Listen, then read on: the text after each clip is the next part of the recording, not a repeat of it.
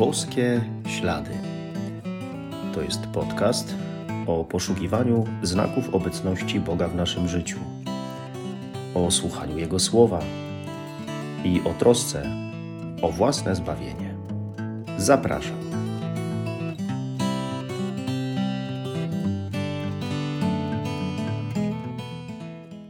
Witam serdecznie. Szczęść Boże. W ostatnim tygodniu miałem wspaniałą okazję, aby być w górach i być u Matki Bożej Śnieżnej, w jej sanktuarium. A wszystko z powodu rekolekcji, które głosiłem dla kleryków naszego salezjańskiego seminarium. Mówiąc krótko, był to błogosławiony czas. I cieszę się, że mogłem spędzić go właśnie z młodszymi współbraćmi, a jednocześnie dzielić się z nimi wiarą, doświadczeniem życia salezjańskiego, wspólnotowego, czy też bycia z młodzieżą.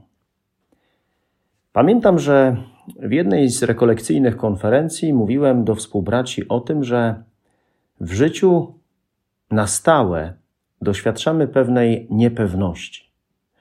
Wynika ona z tego, że po pierwsze, nie da się mieć wszystkiego, wszystkiego zabezpieczyć. Po drugie, nie będzie też w życiu y, zawsze działo się tak, jakbyśmy chcieli, że nie wszystko będzie szło po naszej myśli. I może to kogoś zdziwi, ale to dobrze, że tak właśnie jest. Bo nie może być idealnie i nie będzie. A to poczucie niepewności wynikające właśnie z tego, że nie jest idealnie, skłania nas jeszcze bardziej ku Bogu. Sprawia, że szukamy u Niego pomocy i to On jest tym, który wszystko prowadzi.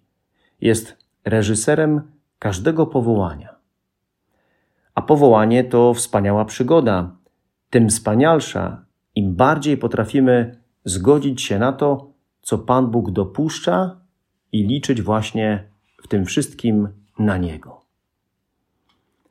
Posłuchajmy słów Ewangelii według świętego Łukasza.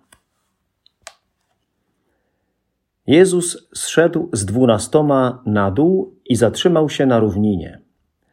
Był tam liczny tłum jego uczniów i wielkie mnóstwo ludu z całej Judei i z Jeruzalem oraz z nadmorskich okolic Tyru i Sydonu. On podniósł oczy na swoich uczniów i mówił: Błogosławieni jesteście ubodzy, albowiem do was należy Królestwo Boże. Błogosławieni, którzy teraz głodujecie, albowiem będziecie nasyceni. Błogosławieni, którzy teraz płaczecie, albowiem śmiać się będziecie. Błogosławieni jesteście, gdy ludzie was znienawidzą i gdy was wyłączą spośród siebie, gdy zelżą was z powodu Syna Człowieczego, odrzucą z pogardą wasze imię jako niecne. Cieszcie się i radujcie w owym dniu, bo wielka jest wasza nagroda w niebie. Tak samo bowiem przodkowie ich czynili prorokom. Natomiast biada wam bogaczom, bo odebraliście już pociechę waszą. Biada wam, którzy teraz jesteście syci, albowiem głód cierpieć będziecie. Biada wam, którzy się teraz śmiejecie, albowiem smucić się i płakać będziecie. Biada wam, gdy wszyscy ludzie chwalić was będą. Tak samo bowiem przodkowie ich czynili fałszywym prorokom.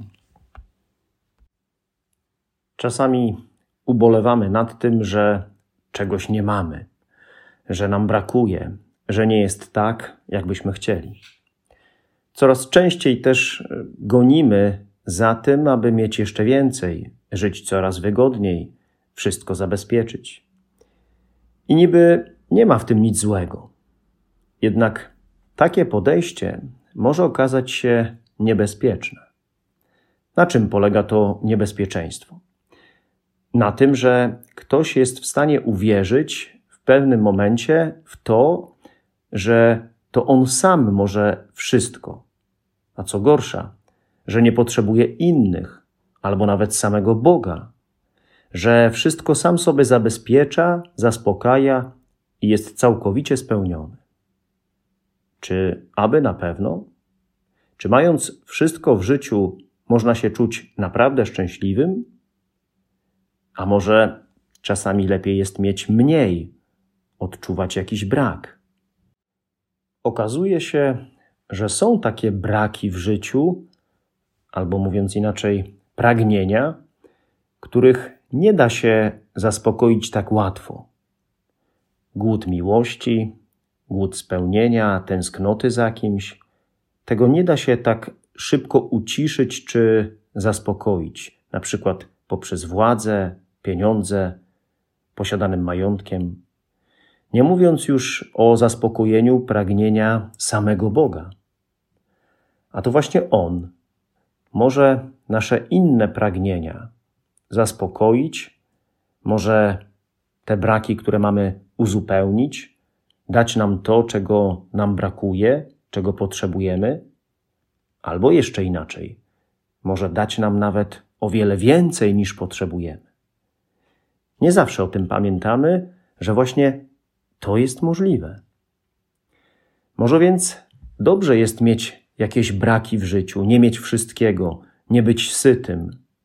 Bywa, że nadmiar albo wszystko, czego potrzeba, deprawuje. Jakiś konkretny brak czegoś, określonych rzeczy, pieniędzy, majątku, wygody, jakiegoś luksusu, robi miejsce dla Boga. Bóg może wtedy przyjść ze swoją łaską i mnie wypełnić, zadziałać, coś mi podarować.